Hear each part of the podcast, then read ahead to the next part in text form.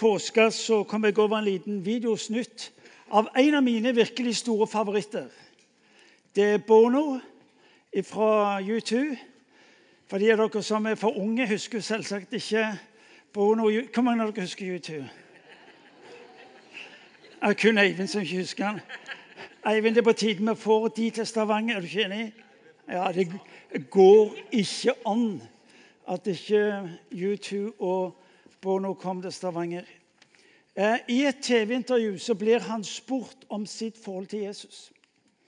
Eh, og Det er uhyre interessant hvor tydelig han er, og hva han formidler med sine ord. Det interessante for meg mens jeg hører på intervjuet, det er intervjuet For han ser ut som han virkelig syns dette har blitt en alvorlig greie. Eh, vi skal se videoen, og så skal vi gå videre etterpå.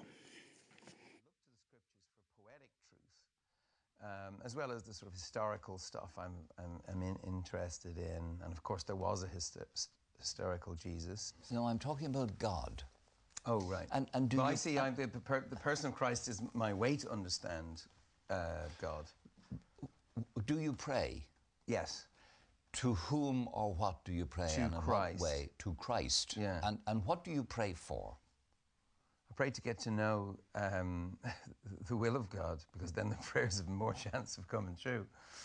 I mean, that's the thing about prayer, isn't it? I mean, we don't do it in a very lofty way in our family. There's just a bunch of us on the bed, usually. We have a very big bed in our house. And all our, we've prayed with all our kids. We, we you know, we just, we, we read the scriptures, we pray.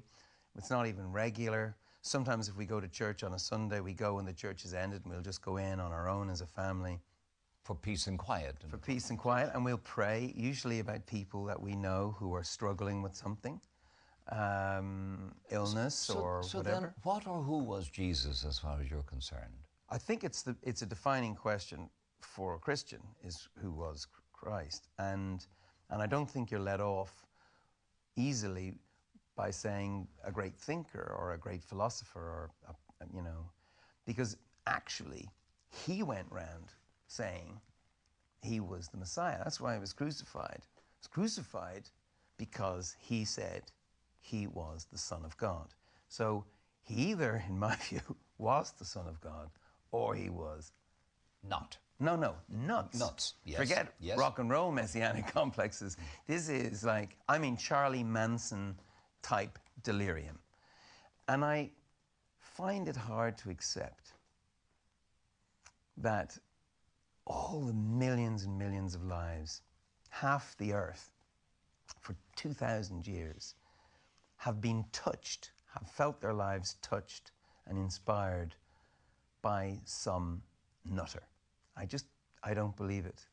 I, I So think- therefore it follows that you believe he was divine. Yes, And therefore it follows that you believe that he rose physically from the dead. yes, yeah. I'm into. Uh, I, I'm I've no problem with miracles. I'm living around them. I am one.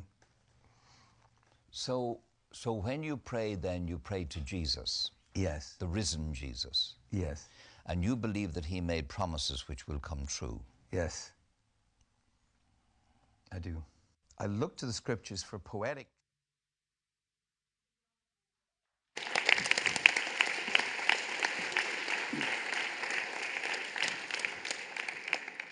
Jeg syns han var gyselig alvorlig, han intervjueren. Det virka sånn som ikke passa inn. Det interessante er folkens, at, eh, at folk kan gjerne tro på en Jesus som henger på et kors.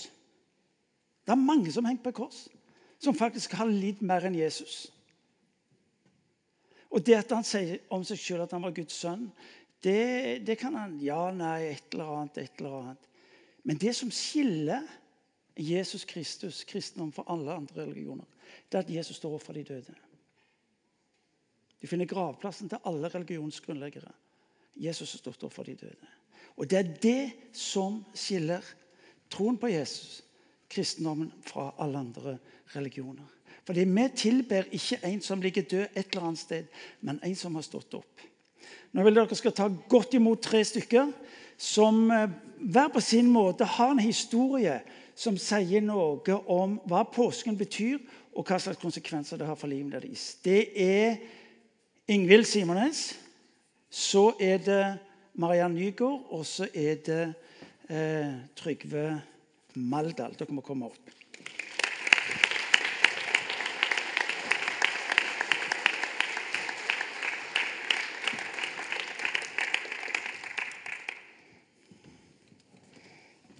Så må dere være snille med hverandre og låne hverandre mikrofoner litt sånn. Eh, Trygve Maldal, eh, hva betyr påske for deg? Ja, det var et ganske eh, interessant spørsmål. Påsken betyr, eh, lett sagt, det betyr alt. Det betyr Vi så her at eh, han stilte spørsmålet tror du på oppstandelsen. Og det er klart at eh, den regien som påsken er, den kan bare Gud ha funnet på. Men hør nå, Trygve. Du er altså vitenskapsmann. Du har altså doktorgrad i kjemi. Eh, hele ditt liv baseres i hvert fall når det gjelder arbeid på fornuft, naturlige årsakssammenhenger. Og så sitter du her og så forteller du at du tror på noe som du ikke kan bevise. Altså det, det som du gjør som vitenskapsmann eh, nå er det, det at du søker kunnskap. Du graver. Du, du graver. Det er ikke nødvendigvis at du bruker fornuften alltid, for vitenskapsmann kan være så mangt. Men alle har til felles at de søker kunnskap. Og, eh, og, og når jeg sier det, så er det litt viktig akkurat det for meg. For det at eh, kunnskap kan gjøre en oppblåst, og kan gjøre at en kommer eh, kan fort gå i en retning. Men hvis du kobler det med forstand, så kan det bli visdom ut av det. Når jeg graver Sier du altså tro kobla med forstand faktisk kan bli visdom? Ja, det kan det. Og det som jeg syns er fantastisk her, det er jo at jeg har jo gravd i denne historien. Og jeg har gravd mye. Og, og, og, og for, for, å holde de enkle tingene i forhånd Så her, du, her har du altså eh, konkrete personer som forteller at de har sett det. Ikke bare én, to. Paulus sier inntil 500, og dere kan gå og sjekke med dem sjøl. Mange av dem lever fortsatt. Og, de, eh, og du kan du sjekke andre historier. Så det du gjør, du tar utgangspunkt i det historiske faktum, og så er det logisk. Ja, Ingvild um, Det er få som har lest Bibelen så mye som deg. Jeg mener, Hun har gått syv år, nei, seks år på skolen for å studere teologi. Hun må være grødelig glubb i hodet. Du um, etter å ha lest så mye du, du, kan, du kan gresk òg, du? Ja, du kunne. Og så hebraisk. Spør han etterpå om han kan si noe på gresk og hebraisk. Det, det, er et nydelig språk. Hva er det etter alle disse åra som du har drevet på å pløye og lært og lest, som gjør sterkest inntrykk på deg eh, når det gjelder studiet ditt? Bibelen, denne Jesus. Det er klart at ingenting av det jeg har lest, hadde hatt noe som helst nytte eller verdi eller vits uten første påske, da. Uten oppstandelsen. Det er klart at det er jo det er der det springer ut. Eh, alt. Det er der for, forskjellen ligger i hvorfor eh, studere f.eks. teologi, eller hvorfor ikke. Eh, det er klart at oppstandelsen er det største som har skjedd, og det største i troa vår.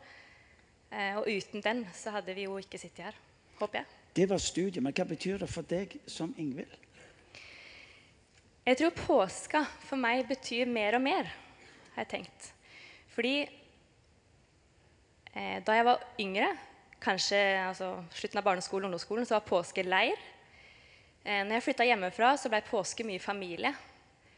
Hver ferie så var det familie. Og nå, ser jeg, nå kjenner jeg en sånn større og større lengsel etter at påska får bety mer at den skal få bety det den faktisk betyr, inn i livet mitt. Fordi i hodet så veit jeg at dette er det største vi har. Det er den største hendelsen. Eh, og på en måte det flotteste vi som kristne har å feire. Og Samtidig så kjenner jeg at eh, uansett hvor mye vi leser eller studerer teksten, så må det gripe hjertet vårt. I hvert fall gripe mitt hjerte. Og det kjenner jeg at der er jeg ikke. Jeg er ikke der som jeg vil når det gjelder å ha blitt gripet av historien. Så jeg er på en vandring i det å la påska få gripe meg mer og mer. Mariann Du holder meg i mikrofonen. Eh, jeg kunne si doktorgrad i smerte, lidelse og det meningsløse.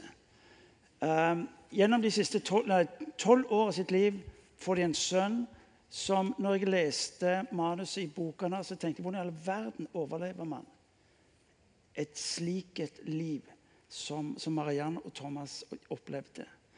Eh, hva betydde påsken og oppstandelsen inn i den situasjonen? Inn i det meningsløse? Var det meningsløst?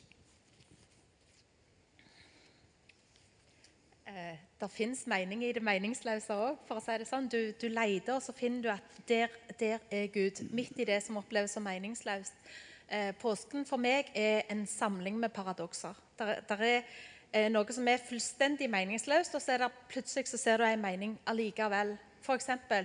Eh, det at Jesus ble atskilt fra Gud i påsken, da han døde og han tok på seg våre, våre synder, at han ble atskilt fra Gud, det står for meg som et av de største paradoksene av alle. For han måtte da være mye sterkere sammen med Gud. Så, så hvordan kan det ha seg? Hvorfor ble han forrådt av sine venner? Hvorfor ble han forrådt med et kjærtegn? alle disse her meningsløse tingene er det jeg har det har, veldig, det har, blitt veldig, stort for meg denne påsken. Jeg hadde en samtale med Jamal rett før vi gikk inn i, i, påskefeiringen. og Da snakket han om det. Eh, hvis jeg tar ut et hår, sier han, så gjør det vondt. Og det er sånn at Jeg har ikke lyst til å ta ut ett til, for jeg vet at det gjør vondt. Så tenker jeg at inn i påsken så visste Jesus nøyaktig hva han sto overfor. Hvordan i alle dager kan det ha seg at han ikke sa nei? At han ikke stoppet det. Når han visste hva smerter han skulle gjennom, hvordan kunne det ha seg at han, at han ikke stoppet det underveis? Enten det var under uh, torturen eller det var hva tid det måtte være. og han sviker fra vennene sine. Men han valgte altså å gå gjennom det. Og det eneste jeg kan tenke som bærer gjennom sånn en meningsløshet, det er rett og slett at en elsker. Mm. Og sånn har det vært for oss òg. Men sier du at det at du tror på en Gud som faktisk er vel vant med smerte og lidelse, også gir på et vis, om ikke akkurat mening, så bærer det i din egen smerte og lidelse og det du ikke har oversikten på. Det eneste som kunne ha gjort at vi sto gjennom det som vi har vært gjennom, det var nettopp fordi at vi elsker. Det er kun, det er kun kjærligheten som gjør at du utholder smerte. Mm. Det er kun det som gjør at du er villig til å legge ned den delen av deg sjøl. Mm. Og sånn tror jeg det var for Jesus òg. Michael Card skrev en sang for mange mange år siden som der han sier hvordan kan det ha seg at de nagla beina og hendene hans når hans kjærlighet allikevel ville holdt ham på korset? Jeg husker Adrian sa en gang at eh, det viktigste var ikke at han ble helbredet, men opplevelsen av Guds nærvær. Altså Et Guds nærvær i vår tid forutsetter en oppstandelse. Takk skal dere ha. Vi gir dem en skikkelig god klapp.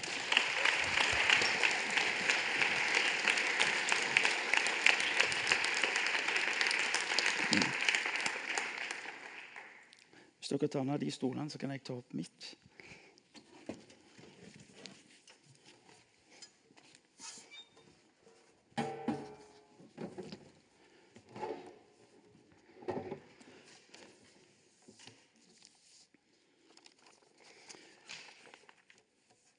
I innledningen til påsken så har vi altså forsøkt å peke på forskjellige sider ved Jesu liv. Eh, vi har forsøkt å få tak i dybden, eh, ikke bare av en selvvalgt lidelse, en såkalt selvvalgt stedfortredelse. Men det som kjennetegner Jesu liv, det er at han på et vis ikke dør for meg, men han dør som meg. Det står at eh, han blir gjort til synd. Det betyr Han blir gjort til Martin Cave. Og Den som henger på det korset, har et ansikt, nemlig mitt. Ditt, vårt. Det er ikke slik at han det er greit, Martin, jeg skal stille opp for deg fordi at du ikke er i stand til å rydde opp i eget liv. Og så sier han dette til menneskeheten, og så, og så blir det på et vis sånn Jeg skal, jeg skal skvære opp. For de gjelder. Når Kristus dør, folkens, så blir han gjort ett med det betyr all ondskap, all den smerten som denne verden representerer, blir Kristus. Og Det er det som på et vis gjør denne smerten så fryktelig annerledes. Fordi at når Kristus eh, dør, så dør han på et vis ikke istedenfor, men han dør som. Fordi at du aldri skal kunne si at det jeg gjorde, var så grusomt at det ikke kvalifiserte til hans såkalt stedfortredende, som av det sier i kirka, til hans stedfortredende død. Det er ikke noe av ondskapen utført i denne verden som ut forbi det som Jesus fanga opp på korset. Når han roper 'det er fullbrakt', så sier han én ting. Alt som er av ondskap, alt som er av smerte, alt som er av sorg, you name it, tar jeg nå. Og så blir altså påskedagene egentlig så smertefulle som de blir. Vi skal lese fra Johannes evangeliet fra påskedag. Påskedag, slik vi feirer den, er totalt annerledes enn det som de første menneskene opplevde den som. Vi feirer, vi har begeistringen, vi har entusiasmen. Vi har noe av denne her vinnerguts i øynene fordi vi tenker han har vunnet. Men du skal være klar over at den første påskedag var det alt annet enn feststemning. Eh, beretningen eh, som du hører noen ord om, forteller om mennesker hvis liv var knust. Hvis livet var fullstendig ødelagt. Hvis håp, forventninger, framtid, himmel var fullstendig utradert. Det var det som var altså situasjonen. Og så leser vi fra Johannes evangeliet, kapittel 20, eh, fra vers 1. Tidlig om morgenen den første dagen i uken, mens det ennå er mørkt, kommer Maria Magdalena til graven. Da ser hun at steinen foran graven er tatt bort. Hun løper av sted og kommer til Simon og den andre disippelen, han som Jesus hadde kjær, og hun sier de har tatt mesteren bort fra graven, og vi vet jo hvor de har lagt ham. Der dro Peter og den andre disippelen ut og kom til graven. De løp sammen, men den andre disippelen løp fortere enn Peter og kom først. Han bøyde seg fram og så linklærne ligge der, men gikk ikke inn i graven. Simon Peter kom nå etter, og han gikk inn. Han så linklærne som lå der, og tørkleet som Jesus hadde hatt over hodet. Det lå ikke sammen med linklærne, men sammenholdet på et sted for seg selv.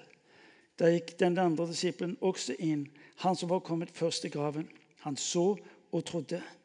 Fram til da hadde de ikke forstått det Skriften sier, at han måtte stå opp fra de døde.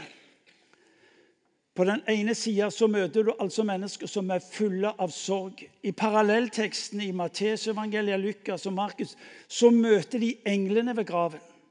Og Det interessante er, det er at englene stiller spørsmål. Hva gjør dere her? Hvorfor leter dere etter den som er død? Vet dere at Det er en av de første eh, lærdommene du skal ta med deg fra første, oppstand, fra første påskedag. Det er at himmelen stiller andre spørsmål. Når du er i din, om du vil, dødsdal, når du er i ditt fortvilte mørke, og du verken har spørsmål eller du vet ikke retningen, så er det nesten som jeg vil si til Hør, hør hva det himmelen sier. Våg å være stille nok. For det de stiller andre spørsmål. De så situasjonen annerledes. Og du vil oppdage igjen og igjen i vandringen med Jesus at han ser din situasjon annerledes enn hvordan du ser den sjøl. Du kan definere livet ditt ut ifra omstendighetene, eller du kan definere livet ditt ut ifra Jesus, hva er det du ser? Hva er det du gjør? Hvordan er det du handler? Saken er med oppstandelsen tas du og meg inn i en ny virkelighet, på en ny måte å tenke se og handle på. Langfredag, noen få ord. Aldri folkens, har verden noen gang opplevd en slik en smerte som hendelsene på langfredag. Aldri. Jorden står der, reagerer med jordskjelv. Det fortelles at universet blir mørklagt i en type forferdelse over det som skjer denne dagen når denne Kristus henger på et kors. Det står igjen og igjen han ble gjort til synd. Han ble soning for våre synder. Og Det er noe her som er interessant. Fordi at Du og meg sorterer som mennesker. Du og meg tenker ja, det er rett at vi finner mennesker som vil dø for de rettferdige, såkalt. Eh, du leser Paulus som skriver i Romerbrevet kapittel 5, uhyre interessant, for han sier ja, sier han, det er greit. Eh, eh, men selv for en rettskaffen menneske vil vel neppe noen gå i døden. Paulus argumenterer. Og så sier han vel, sier han, selv om noen på et vis var så gode, snille, you name it, så, så var det vel tvilsomt at noen ville gå i døden for dem. Men det som er Paulus sitt anliggende, Bibelens sitt anliggende, det han sier at de Kristus går i døden for, er jo ikke de rettskaffende. Eller kanskje som han sier, ville noen gjøre, altså gå i døden for en som er god. Men Gud viser sin kjærlighet til oss ved at Kristus døde for oss mens vi enda var syndere. Når Gud velger ut Hør nå og velger å dø i ditt og mitt sted, så gjør han det uten å forvente noe tilbake. Evangeliet er ikke slik at hvis du tar imot, så gjelder det jeg gjør for deg. Det er ikke det han sier. Han sier uansett hva du gjør med det. Om du tar imot det, om du tror på det, la det bli en del av livet ditt, eller om du gir blaffen i det. Når han dør, når han elsker, så elsker han uten å forvente å få noe tilbake. Det sprenger rammene, folkens, for kjærlighet. Det sprenger rammene for kjærlighet.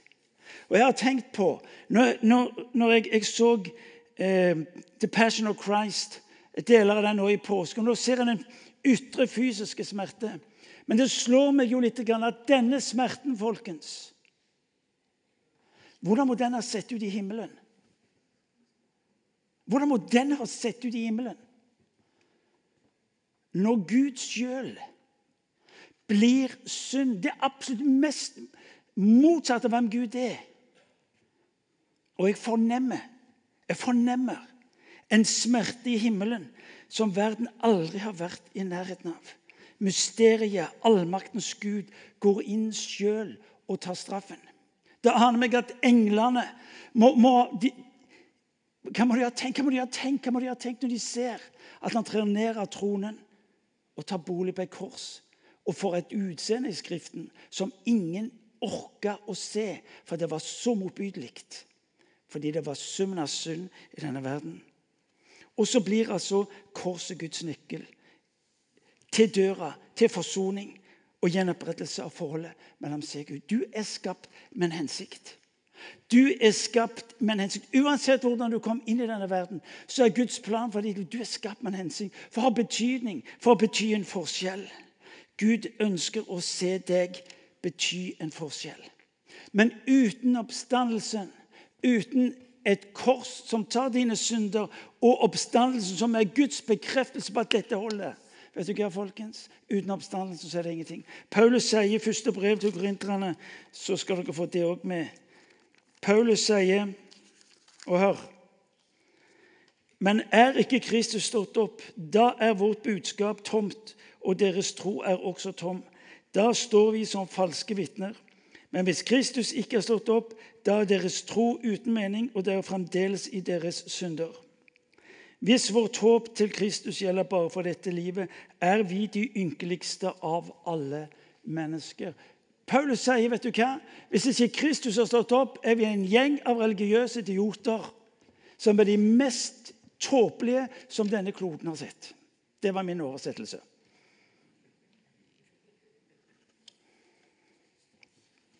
Så tre konsekvenser kort. Oppstandelsen gir oss en ny bekjennelse. Hva er bekjennelse?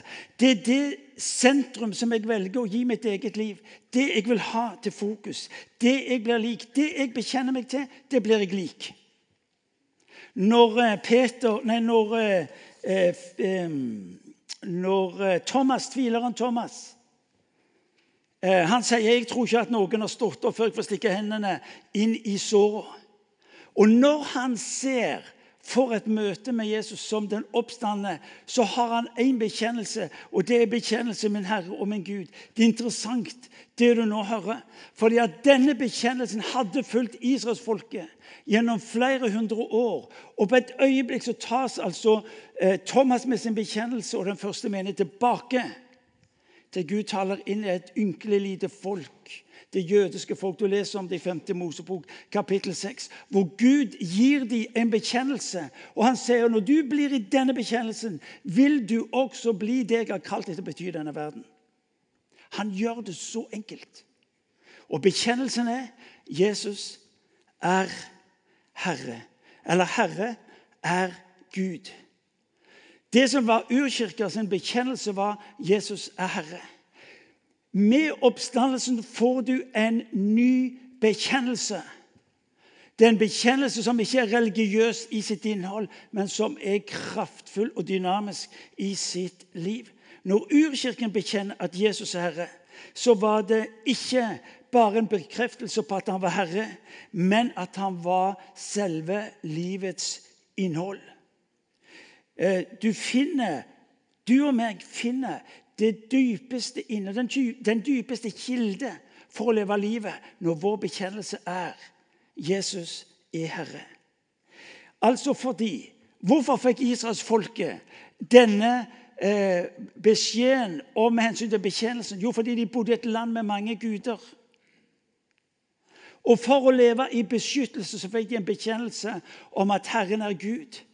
For deg og meg, med alt det du og meg utfordres på i livet, så utfordres vi på bekjennelsen til Jesus som Herre for å kunne møte eh, alle de guder og avguder du og meg møter her i livet.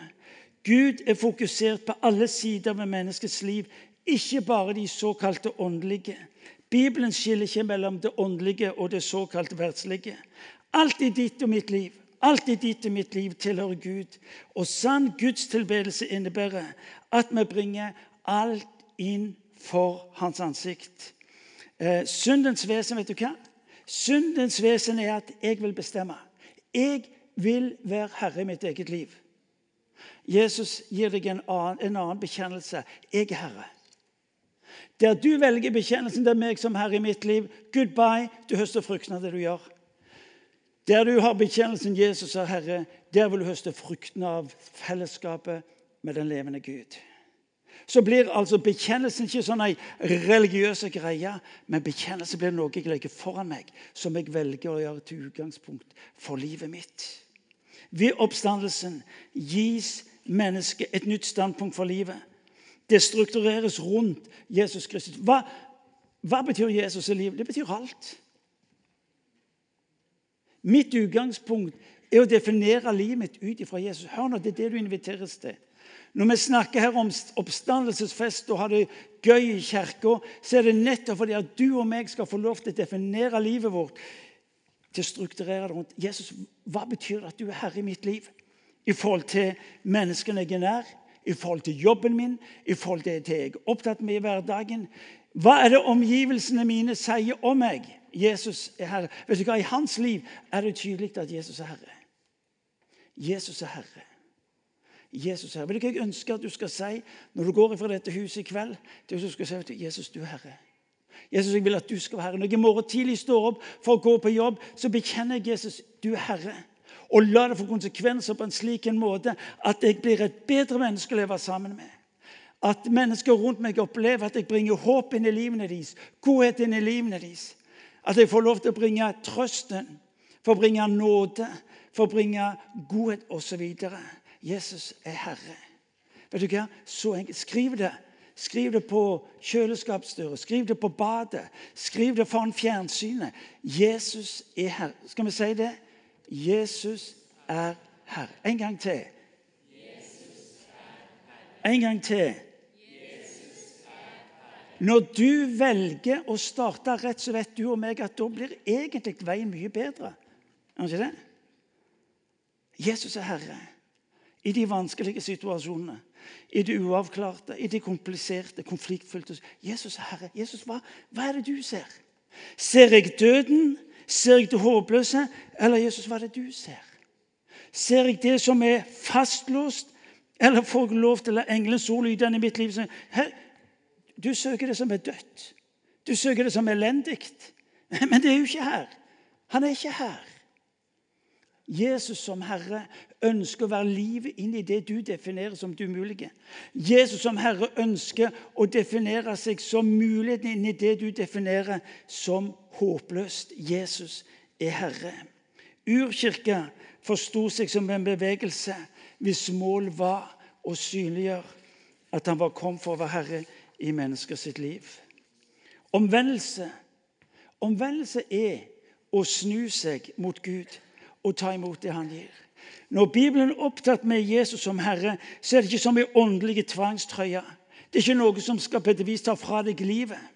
Men Jesus som Herre gir deg et fokus, det gir deg en bekjennelse. Og hør nå, folkens, det hjelper deg til å ta imot det han gir. Og når han velger å dø på et kors for deg Når du ser korset i all sin heslighet, i all sin grusomhet, så skal du vite at han henger der for deg. Hvorfor er vi så redde for å ta imot det han gir oss? Er du med? Hvorfor er vi så redde for å ta imot det han gir oss? Når han har demonstrert sin kjærlighet til oss. Oppstandelsen gir oss en ny bekjennelse. Hvem er det du bekjenner deg til? Det andre oppstandelsen gjør det at den gir oss nytt liv. Fred være med dere, sier Jesus i Johannes evangeliet. Som Far har sendt meg, sender jeg dere. Ta imot Den hellige ånd. Han har ikke før kommet til dem og fortalt dem at han er oppstanden, for han måtte jo fortelle det til dem. De var trege med tro. Men så sier han som far har sendt meg, sender jeg dere. Vet du hva det vil si å være en kristen? Det å bli en del av Guds bevegelse. Halloen! Hvis allmaktens Gud ber meg om å være med på noe som han holder på med, så tenker jeg jeg er med, jeg. For det er jo det han gjør. Hva betyr det å være en kristen? Det er jo å være med på det som Gud gjør. Med bekjennelsen Jesus som Herre så betyr det jeg gir meg sjøl et utgangspunkt. Og så sier han Martin, jeg skal ta deg inn i det som er meg. Halleluja. Ikke for, ikke for men litt sånn. Halleluja. Kan du se halleluja? Ja. Altså, Viking tapte i dag. Beklager. Viking tapte. Sånn er livet. 1-0. Ja. Men det aner meg at de folka i Mjøndalen de, har, de har ikke bakkekontakt i kveld. Nei. Jeg vet ikke hvor mange tusen uker siden jeg hadde vunnet en kamp i Eliteserien. Men det er jo peanuts mot den seieren vi i dag berører når det er snakk om oppstandelse, og det livet han tar oss inn i. Halleluja. Vi må få litt flere pinsevenner inn her. Jeg sier det igjen. Ja, ja, ja, ja, kom an.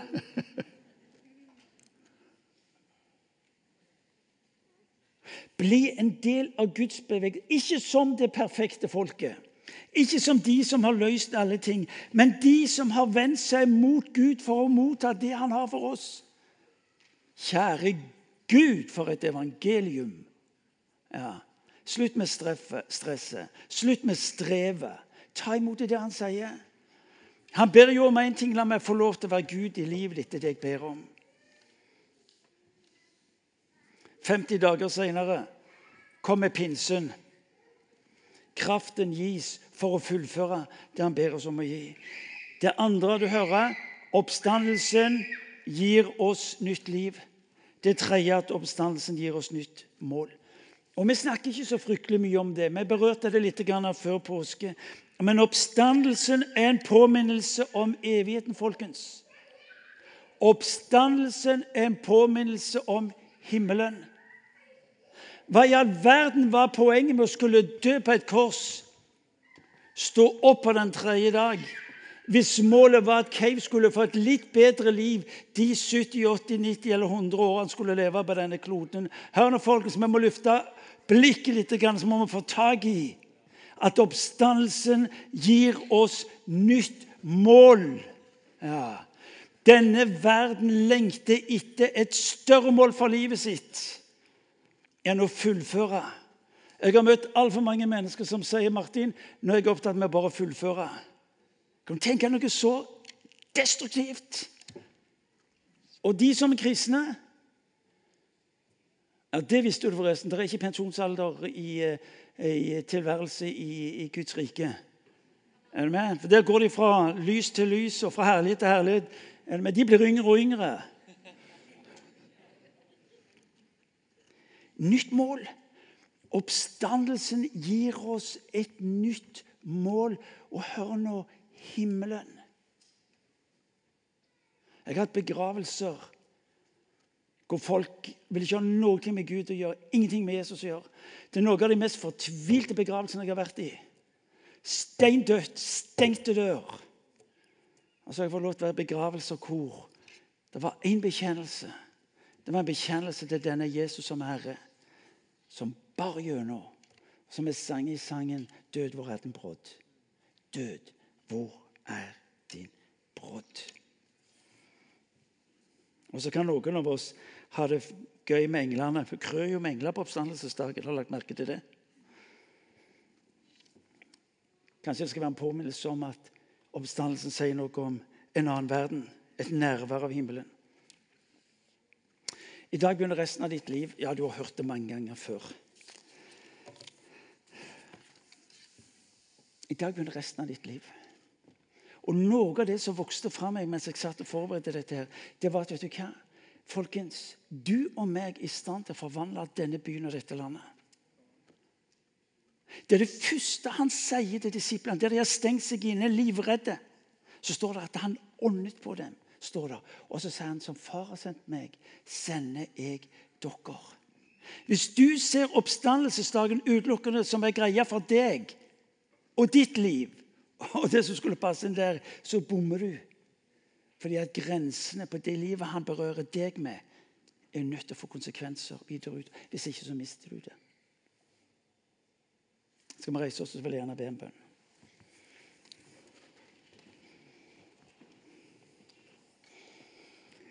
Kanskje er du her inne som, som ikke er en kristen. Kanskje tenker du at jeg, jeg, jeg rår ikke med det der. Nå skal du høre Å tro har ingenting med hodet ditt å gjøre. Det har med hjertet ditt å gjøre. Hjertet ditt tar det til steder som hodet aldri ville ha våget å gå. Det er godt sagt. Det er ikke meg som har sagt det, men jeg siterer. Tro er ikke primært fornuft og forstand. Tro er tillit. Og når du ser på korset, så tenker du Jeg har hørt og hører at det er en som har tatt alt det som er av synd, av historie, av graps, you name it. Vi har i dag hørt om en oppstand som en Gud som har oppstått fordi han elsker. Og så sier han til meg jeg skal få lov til å definere mitt liv ut ifra at Jesus er Herre. Jeg skal altså få lov til å definere livet mitt ut ifra et nytt liv, et nytt mål. Spørsmålet mitt til deg er om du er her inne som ikke tror på Jesus, kan altså i kveld si, vet du hva, det der vil jeg ha. Og så kan du få lov til å si vet du hva, la meg få tak i det. Og hvordan kan jeg ta imot det? Det er bare å si ja det. Så enkelt er det. Kanskje er du her og du tenker at det har jeg glidd vekk ifra. det har jeg ikke forhold til lenger. Så vil du skal vite, I kveld kan du ta imot Jesus Kristus som din Herre og la det få konsekvenser for vandringen for resten av livet ditt. Kanskje tenker du ja, men du skulle bare visst. Ja, Det opptar meg gysla lite hva du har gjort. For å si det litt sånn også, Det gjør det for vår Herre òg.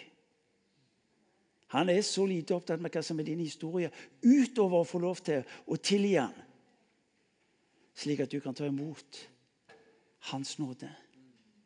Så her er du i kveld. Du kan få lov til å ta imot Jesus. La oss gjøre det La oss gjøre det. Jeg hadde ikke tenkt, men la oss gjøre det likevel. Du skal få lov der du står, og så, så lukker vi øynene. Og så rekker vi fram hendene, og så skal du få lov til å ta imot frelsens gave.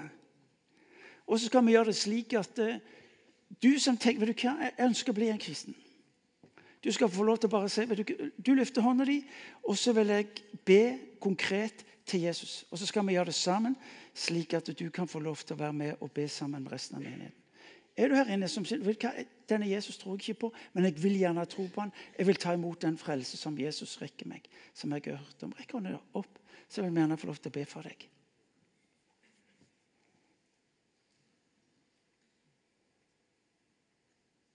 Ja.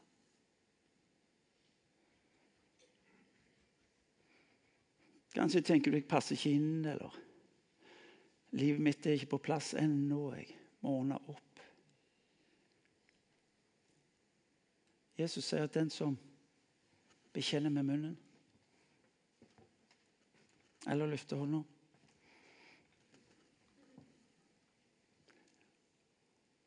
Du kan ta imot han der du står.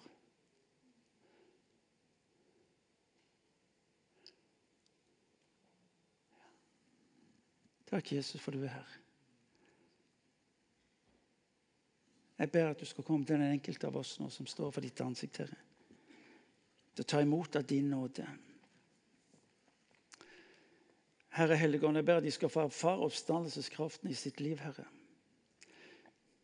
Til både bekjennelsen av at du er Herre, til vandringen her i det nye livet, og til å være et tegn, Herre, om det målet du har for våre liv.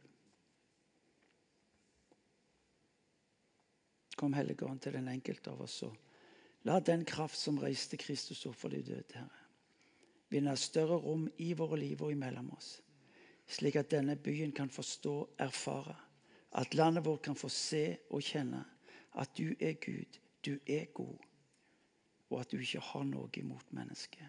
Jesus, vi ber om det i ditt hellige navn. Amen.